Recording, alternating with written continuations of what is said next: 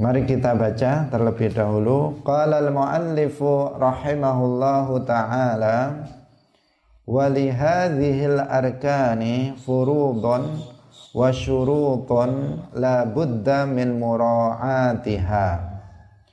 Wa li hadhihi al-arkani lan iku ketuwe iki-iki pira-pira rukun furudun utawi pira-pira fardu wa syurutun lan pira-pira syarat.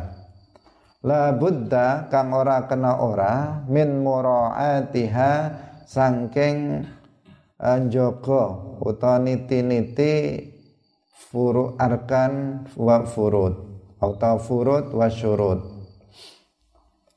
Wa harumalan haram alaman ing atase wong ahrama kang ihram sapa man apa tibon wewangian? Apa tibon wewangian? Wadah nuraksen lan minyai. Sirah walih yatin lan jenggot. Wa izalatu zufrin lan ngilangi kuku. Wa sya'rin lan rambut. Wa jima'in lan jima' wa muqaddimatihi lan muqaddimai jima wa aqdun nikahi lan akad nikah. Wa aqdun nikahi lan akad nikah. Wastiyadu saydin lan berburu binatang buruan. Makulin kang halal den pangan bariyen kang bangsa daratan wa ala rajulin lan iku haram ing atase wong lanang apa satru ra'sihi nutup sirahe wong. Wa lubsu muhitin lan nganggo wa lubsu muhitin lan nganggo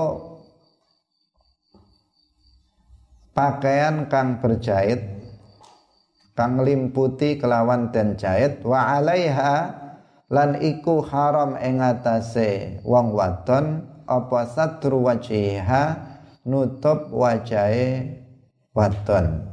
Wa kuffazun lan sarung tangan. Hadirin hadirat kaum muslimin muslimat rahimakumullah.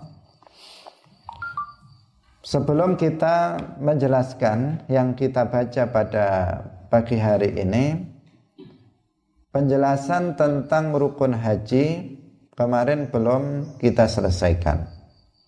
Telah kita jelaskan bahwa rukun haji itu ada enam. Yang pertama yaitu ihram, artinya niat memulai nusuk, niat memulai amalan ibadah haji.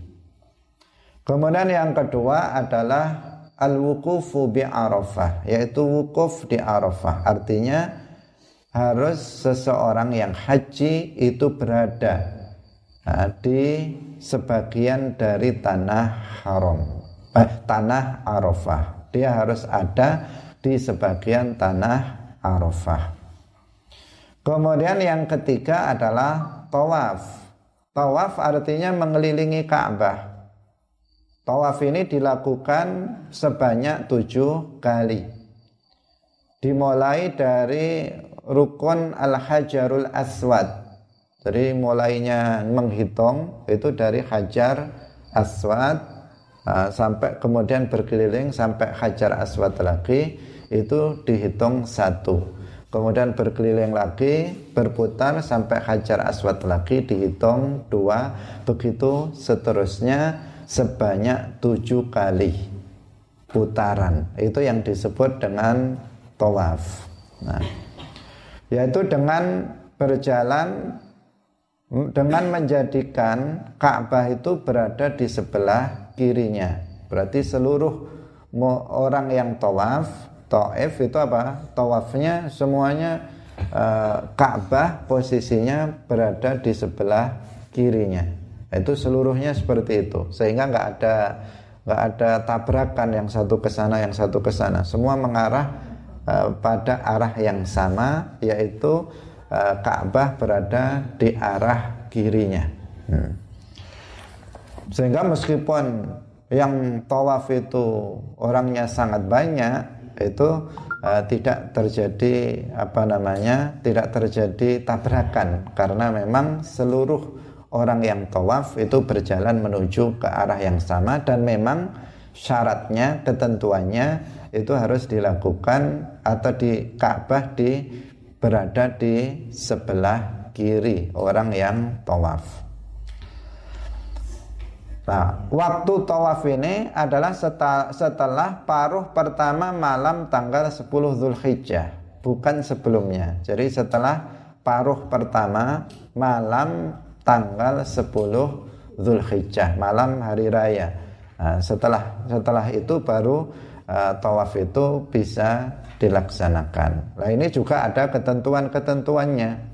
Sebagaimana wukuf itu ada ketentuannya, ihram ada ketentuannya, tawaf juga ada ketentuannya yang harus diperhatikan. Nah, ketentuan-ketentuannya itu dijelaskan dalam kitab yang lebih besar.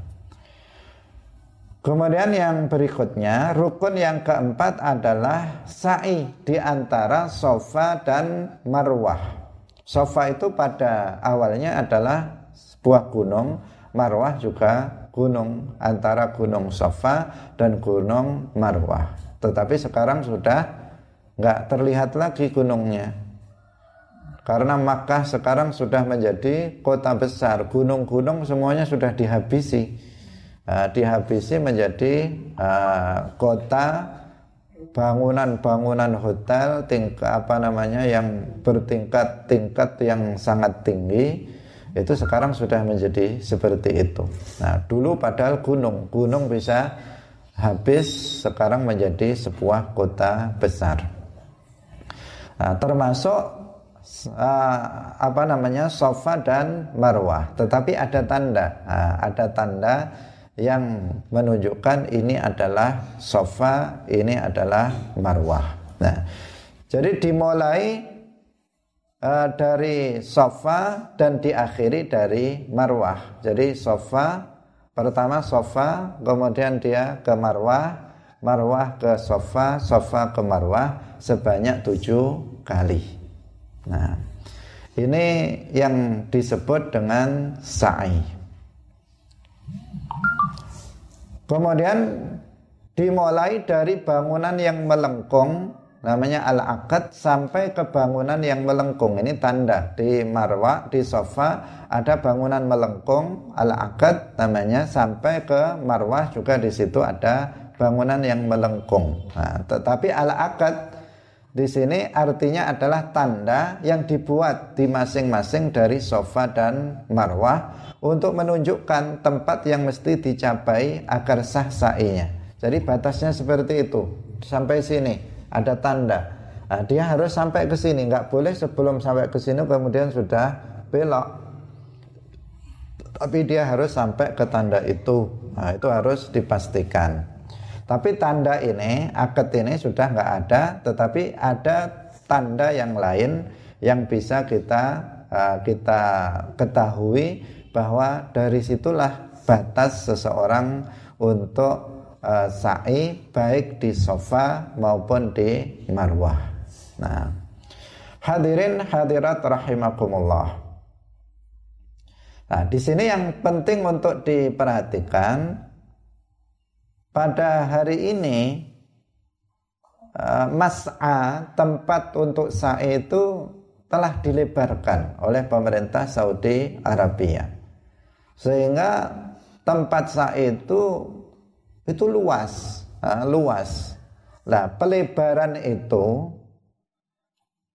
itu tidak sesuai atau terlalu lebar sehingga tidak sesuai dengan ketentuan atau dengan batas-batas yang telah ditentukan oleh Rasulullah Shallallahu Alaihi Wasallam.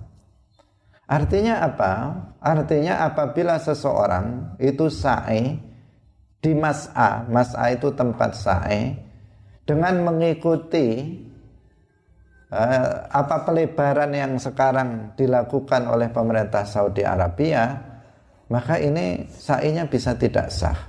Karena apa? Tidak sesuai dengan batas-batas yang ditentukan oleh Rasulullah Shallallahu Alaihi Wasallam. Jadi sangat luas. Bahkan antara apa namanya sofa ke marwah, antara sofa ke marwah, marwah ke sofa, misalnya sofa ke marwah, lah yang dari marwah ke sofa itu melalui jalur Nah, jalurnya itu nanti eh, apa namanya keluar dari jalur Safa dan Marwah yang seharusnya yang sudah ditentukan oleh Rasulullah Shallallahu Alaihi Wasallam. Karena itu kalau kita ingin sah sa'inya maka terpaksa harus melawan arus pada yang kedua. Yang pertama sama, kemudian ketika balik yaitu dari marwah ke sofa itu kita melawan arus karena apa? karena perluasannya yang dari marwah ke sofa itu sudah melewati batas yang telah ditentukan oleh Rasulullah Shallallahu Alaihi Wasallam. Kalau orang yang haji atau umroh itu tidak terlalu padat itu mungkin bisa dilakukan. Tetapi jika sangat ramai dan dijaga oleh polisi, ini kita akan kesulitan uh, ketika kita kembali dari marwah ke sofa. Dari sofa ke marwah kita apa namanya sama dengan orang yang lain. Ketika balik kita akan bertabrakan dengan orang yang dari sofa ke marwah, kita dari marwah ke sofa. Jika kita mengikuti batasan yang telah ditentukan oleh Nabi, akibat dari perluasan tersebut. Nah, orang yang tidak memahami, maka mereka ya mengikut saja. Mereka mengikut apa jalur yang sudah dibuat oleh pemerintah di sana. Akhirnya eh, ketika dia balik dari marwah ke sofa, itu tidak melalui jalur yang sudah ditentukan oleh Rasulullah Shallallahu Alaihi Wasallam. Padahal telah kita jelaskan sebelumnya bahwa dalam ibadah itu harus mengikuti ketentuan yang telah ditentukan oleh Nabi. Gak bisa kita semaunya sendiri. Nah, di sini penting untuk kita perhatikan. Jadi bagaimana solusinya apabila sangat ramai? Sebenarnya kita bisa memanfaatkan yaitu mas'a yang dasar mas'a yang basement yang berada di dalam itu yang asli. Uh, yang asli maksudnya uh, itu yang dahulunya memang aslinya yang tidak dilakukan pelebaran. Itu yang berada di paling bawah. Dan yang tingkat di atasnya. Itu tidak diadakan pelebaran. Nah, yang atasnya lagi diadakan pelebaran tetapi tidak tidak rame. Nah, tidak serame tempat yang pada umumnya digunakan oleh orang untuk sa'i.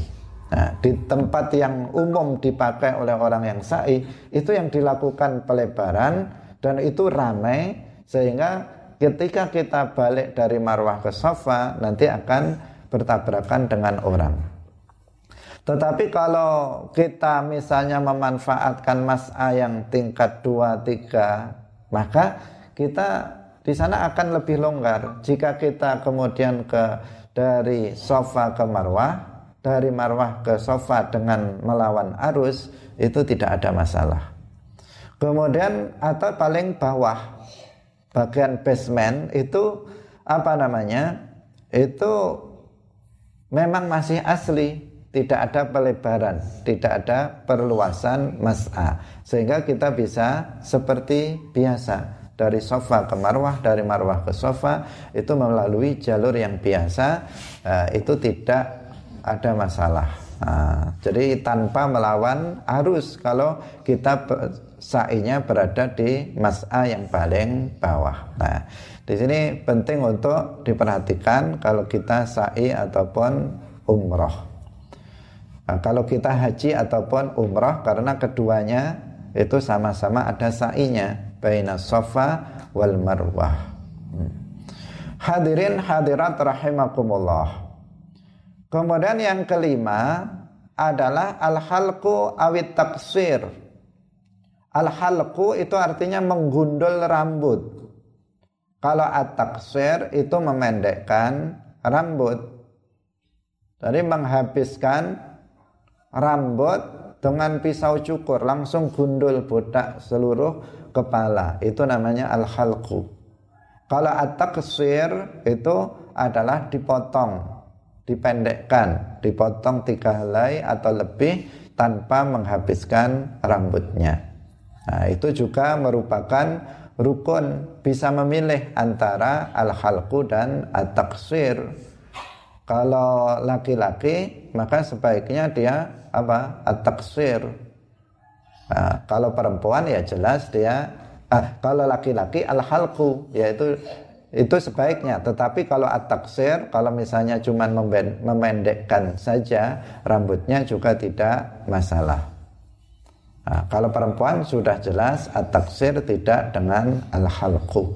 Jadi ini memotong uh, memotong rambut ini juga merupakan rukun dari haji dan juga rukun umroh kemudian yang keenam adalah tartib dalam kebanyakan rukun-rukun tersebut. Tidak seluruhnya harus uh, berurut, ihram, wukuf, tawaf, sa'i, menggundul rambut, tidak. Tetapi sebagian besar dari rukun-rukunnya itu harus berurut. Yaitu wajib mendahulukan ihram terhadap semua rukun. Niat harus lebih dulu dari semuanya. Nah, jadi harus niat ihram dulu baru tawaf atau baru sa'i, baru apa namanya al halqu tidak boleh niatnya kemudian lebih akhir dari yang lain. Nah, ini ini satu. Kemudian yang kedua, mengakhirkan tawaf dan menggundul atau memendekkan rambut setelah wukuf. Jadi wukuf harus lebih dulu daripada al-halqu awid tafsir. Hadirin hadirat pemirsa Madu TV rahimakumullah. Inilah rukun-rukun dari apa namanya? Rukun-rukun dari haji. Nah, sekarang kalau rukun umrah itu seluruh enam itu kecuali wukuf. Berarti rukun umrah itu ada lima.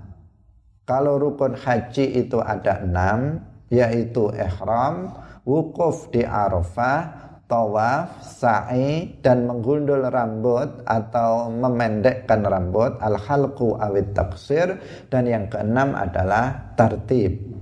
Nah, sedangkan umrah maka rukunnya ada lima yaitu ihram, tawaf, sa'i baina safa wal marwah al-halqu wat taksir kemudian yang kelima tartib. Yang enggak ada apa? Al-wukuf di Arafah. Jadi wukuf di Arafah itu tidak ada bagi orang yang umroh.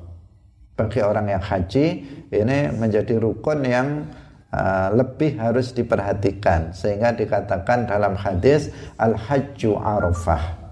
Bukan artinya haji itu hanya Arafah saja, tidak, hanya wukuf di Arafah. Al hajju Arafah artinya dalam haji yang harus lebih diperhatikan itu adalah al-wukuf bi Arafah karena sempitnya waktu pelaksanaan al-wukuf bi Arafah. Hadirin hadirat rahimakumullah. Kemudian muallif menjelaskan wali hadhil arkani furudun wa syurut. Nah, seperti yang tadi kita jelaskan la budda min Masing-masing dari rukun yang sudah kita sebutkan ihram, wukuf di Arafah, tawaf, sa'i, kemudian al-halqu wa taksir. Ini semuanya memiliki rukun dan memiliki atau memiliki fardu-fardunya dan memiliki syarat-syaratnya. Agar tawafnya itu sah, sah itu ada syarat-syaratnya. Agar sa'inya itu sah itu ada syarat-syaratnya. Nah, ada al-halqu tafsir itu sah, ada syarat-syaratnya. Lah syarat-syarat itu wajib untuk diperhatikan, untuk dipenuhi agar rukun-rukun itu bisa terlaksana dengan benar. Sama dalam sholat. Dalam sholat kan ada rukun-rukun seperti membaca fatihah, seperti niat, membaca fatihah, rukun, tidak itu kan ada ketentuan-ketentuannya. Ketentuannya hanya harus mengandalah, tadinya harus baca, harus berurut, uh, tidak harus mualah dan seterusnya. Itu namanya apa? Ketentuan. Dalam ruko ketentuannya harus begini. Itu ada ketentuan yang sudah kita jelaskan. Dalam haji, rukun-rukun haji itu juga memiliki ketentuan-ketentuan syarat-syarat dan furud yang kita harus perhatikan itu agar haji yang kita lakukan sah. Karena jika rukun salah satu rukun haji itu dilaksanakan dengan tidak memenuhi syarat dan ketentuan maka nanti rukun itu tidak sah sehingga hajinya juga tidak sah. Nah, nah di mana ini dipelajari rinciannya? Tentu dalam kitab yang lebih besar tidak di sini. Nah, nanti bagi yang sudah mau berangkat haji tahun ini misalnya mau berangkat haji silahkan untuk mempelajarinya lebih lanjut. Nah, karena seperti yang kita jelaskan sebelumnya, ahkamul hajj ini wajib lain dipelajari lebih apa rinci apabila seseorang sudah mampu atau sudah akan berangkat untuk melaksanakan ibadah haji. Hadirin hadirat rahimakumullah. Nah, sekarang kita berpindah pada pembahasan pembahasan hal-hal yang diharamkan bagi orang yang ihram.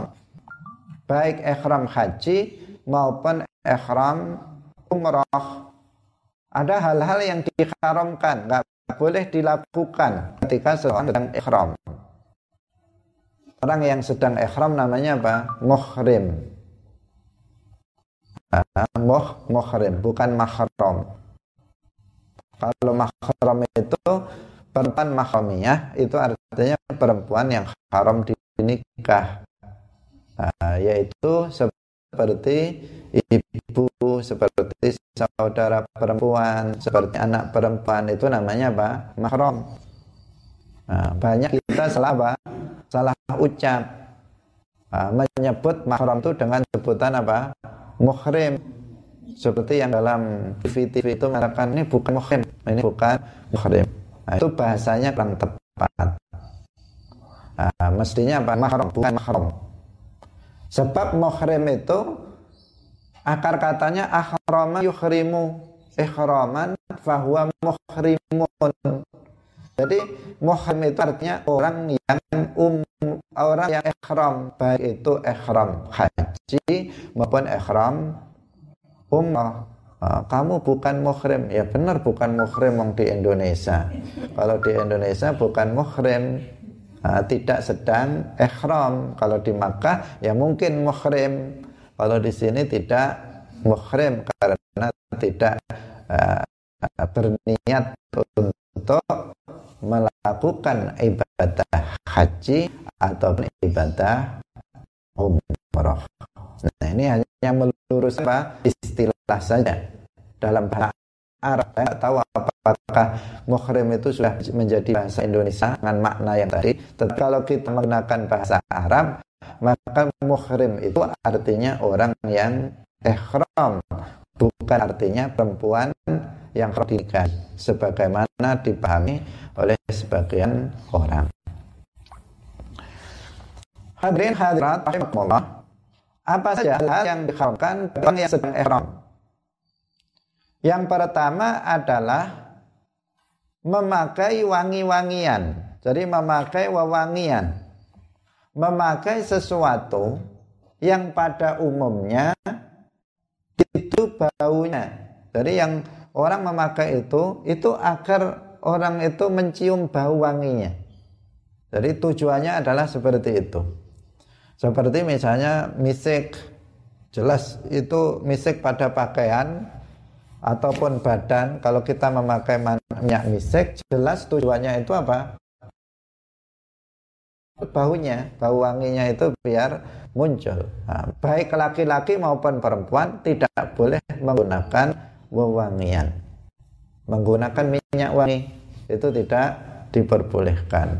Nah, nah orang yang menggunakan wewangian ketika dia ihram maka dia akan terkena uh, apa namanya uh, denda. Ini harus diperhatikan oleh uh, oleh seseorang yang sedang ihram haji maupun umrah. Tidak boleh uh, dia menggunakan wewangian. Lah apa saja kategorinya yang termasuk wewangian itu akan ada penjelasannya dalam kitab yang lebih luas. Kemudian yang kedua, hadirin rahimakumullah, yang tidak boleh bagi orang yang ihram adalah meminyaki kepala dan jenggot. Jadi kalau tadi wangi-wangian pada pakaian dan juga pada badan itu haram bagi orang yang ihram. Kalau bagi yang nggak ihram seperti kita memakai wangi-wangian ya diperbolehkan. Tetapi kalau bagi perempuan uh, keluar rumah dengan memakai wangi-wangian itu uh, dilihat tujuannya jika dia tujuannya itu agar untuk uh, menimpakan fitnah di kalangan laki-laki biar dia jika lewat di, di depan laki-laki nanti para lelaki itu menjadi tertarik kepada dia karena baunya yang wangi maka ini hukumnya apa? Haram. Tetapi jika tidak dia keluar rumah maca uh, memakai wangi-wangian memakai pakaian yang uh, yang bagus. Nah, tujuannya bukan untuk uh, bukan untuk meceng menimpakan fitnah di kalangan kaum laki-laki. Maka ini hukumnya adalah makruh, uh, makruh. Uh, sebaiknya kalau keluar rumah ya biasa saja, uh, biasa saja, tidak kemudian uh, macak, berhias, memakai wangi-wangian yang itu bisa uh, menimbulkan fitnah di kalangan kaum laki-laki. Nah, ketika di Makkah, di Madinah seseorang sedang bukan di Madinah, di Makkah seseorang sedang ihram, maka dia jangan memakai wangi-wangian. Itu hukumnya haram kalau dia memakai wangi-wangian. Nah, demikian juga apa? Meminyaki kepala dan jenggot. Rambut kepala ini diberi minyak atau misalnya jenggotnya diberi minyak itu juga hukumnya haram ketika seseorang sedang ihram. Nah, sekali lagi ketika sedang ihram. Kalau tidak sedang ihram meskipun dia di Makkah atau Madinah, misalnya sudah dia apa namanya umrah atau haji, sudah selesai hajinya. Kemudian dia tidak sedang ihram lagi, maka dia boleh memakainya. Tetapi apabila dia uh, niat lagi ihram misalnya karena kalau umrah bisa berkali-kali. Kalau haji ya cuma sekali ketika itu. Karena waktunya sudah ditentukan untuk haji itu sudah ditentukan. Kalau umrah bisa kapan saja. Seseorang berangkat haji misalnya di di Makkah dia bisa berulang kali melakukan umrah dengan cara kemudian apa? Dia keluar lagi ke mikot kemudian dia niat ihram umroh lagi besok pengen umroh lagi dia keluar lagi uh, ke mikot tempat untuk niat uh, ihram kemudian dia melakukan umroh lagi bisa dilakukan berkali-kali tetapi kalau haji kan cuma satu kali karena sudah ada ketentuan waktu-waktunya sebagaimana yang tadi sudah kita jelaskan secara global. Hadirin hadirat rahimakumullah. Kemudian yang berikutnya menghilangkan kuku dan rambut. Jadi menghilangkan kuku dan rambut meskipun sebagiannya. Nah, rambut kepalanya misalnya dia cabut meskipun bukan semuanya tapi hanya satu dua helai dengan sengaja dia mencabutnya dia mencabutnya. Maka itu juga hukumnya haram. Atau dia memotong kuku pada waktu sedang ihram itu tidak diperbolehkan hmm.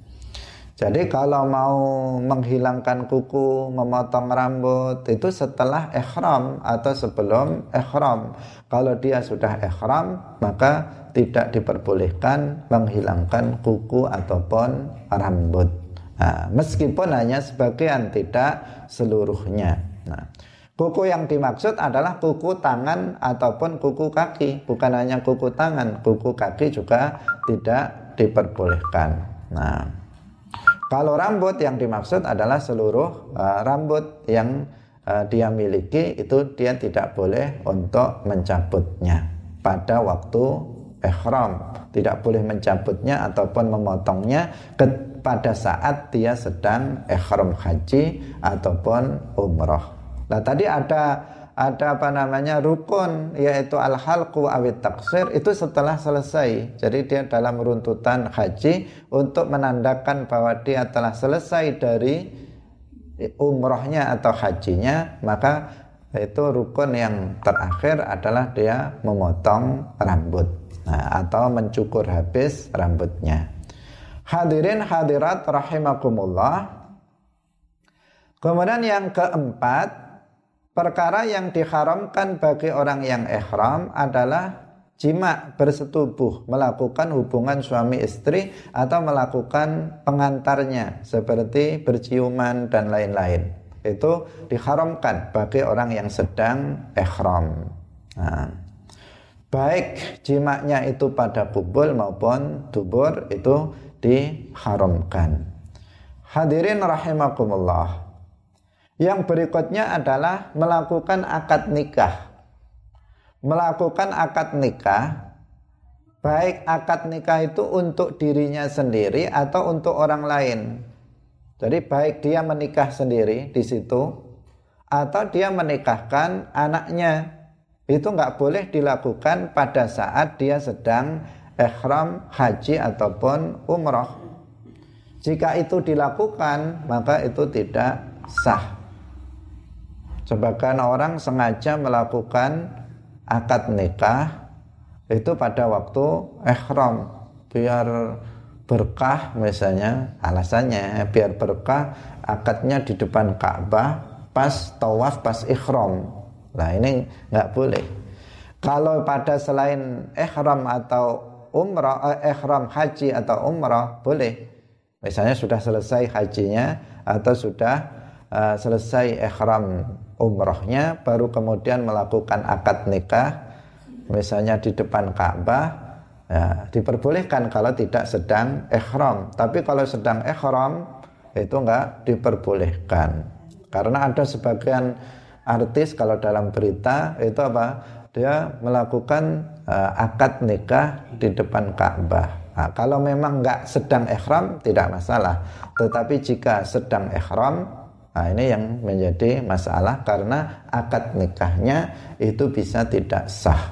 Nah, bisa tidak sah. Ya memang tidak sah jika dilakukan pada waktu seseorang sedang ihram.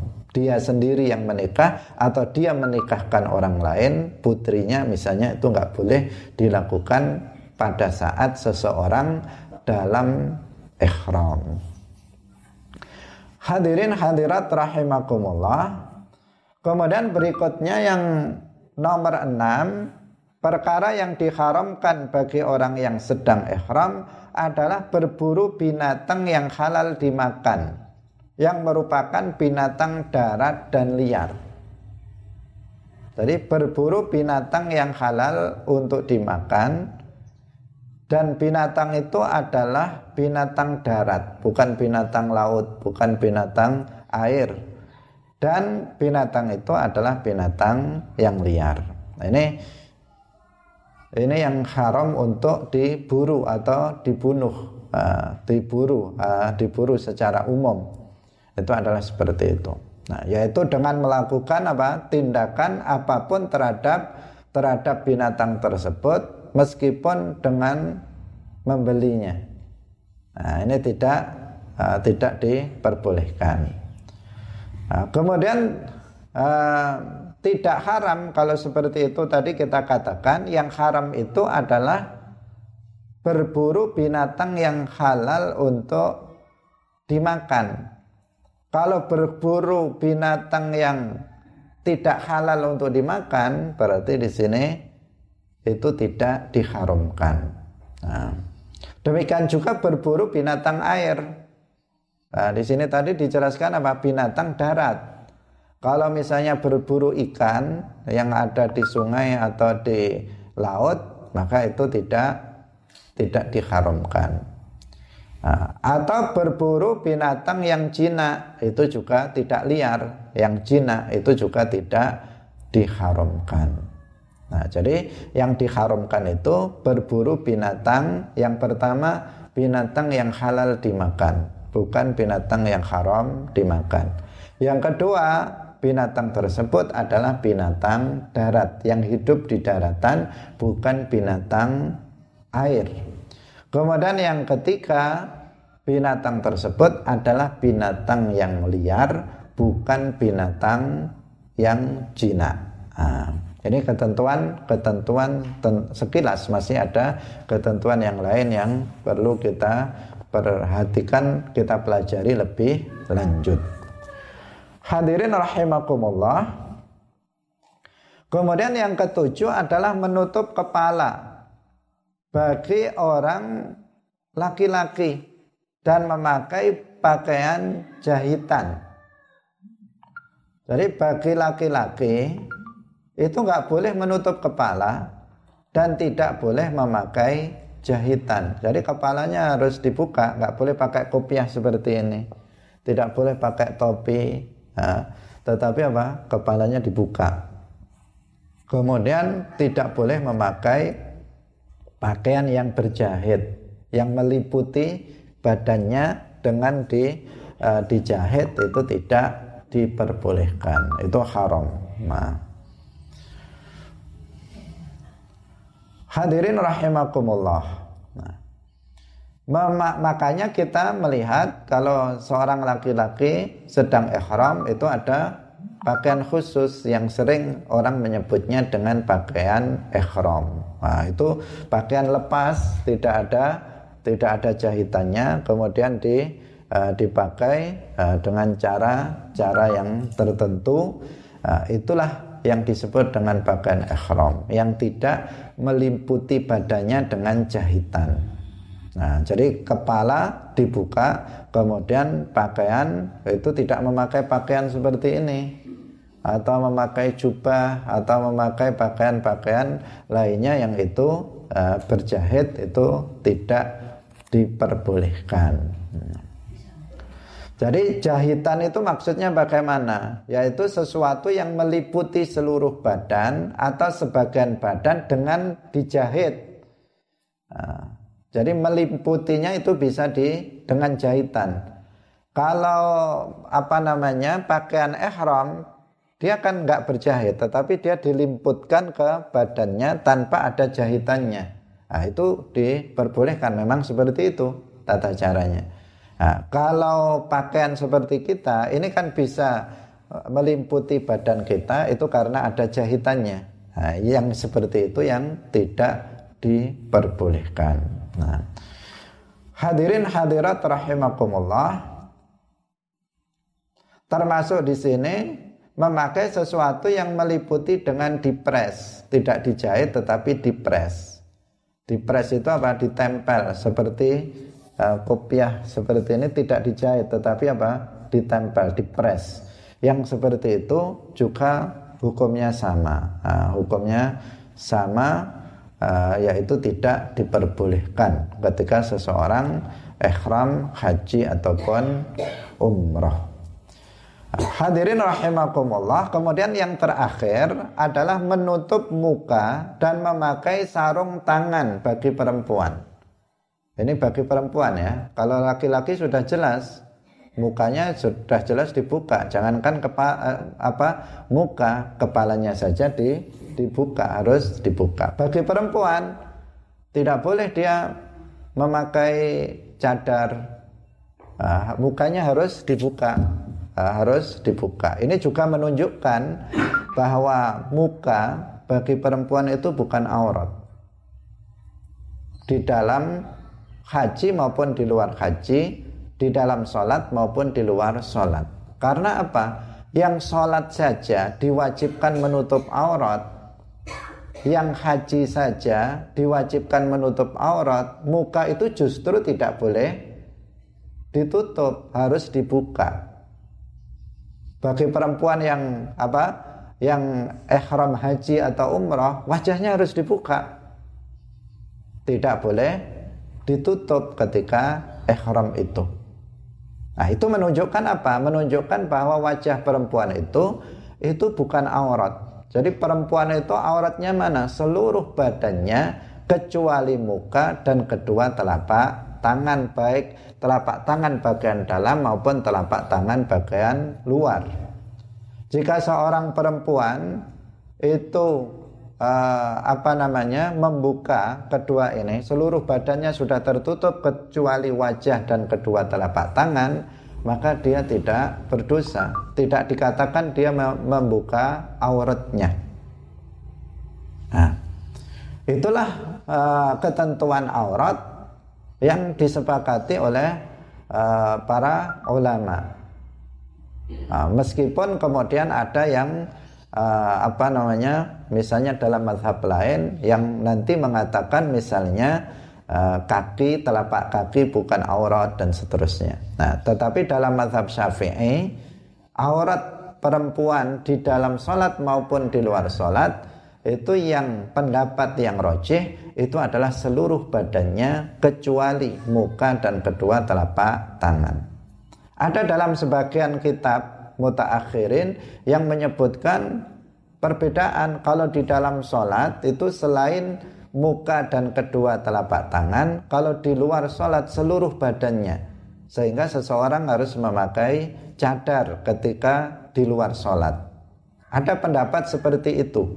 Tetapi pendapat yang ini uh, dinilai oleh sebagian para ulama sebagai pendapat yang lemah yang dipraktekkan oleh umat Islam mayoritas umat Islam di seluruh dunia adalah pendapat yang mengatakan bahwa aurat perempuan di dalam sholat maupun di luar sholat itu seluruh badannya kecuali muka dan kedua telapak tangan. Jika dalam sholat saja, logikanya jika dalam sholat saja itu uh, muka dan kedua telapak tangan bukan aurat, Bagaimana dengan di luar? Tentu lebih itu tidak disebut sebagai aurat uh, muka dan kedua telapak tangan tersebut. Uh, meskipun memakai uh, memakai cadar itu hukumnya adalah sunnah. Jadi disunnahkan bagi perempuan untuk menggunakan apa namanya cadar. Tidak wajib, uh, tidak wajib. Kalau seseorang kemudian seorang perempuan membukanya tidak masalah, nah, tidak ada masalah. Nah, yang diharamkan adalah membuka selain muka dan kedua telapak tangan. Maka itu diharamkan jika dia berada di luar rumah. Nah, jika dia di hadapan laki-laki lain.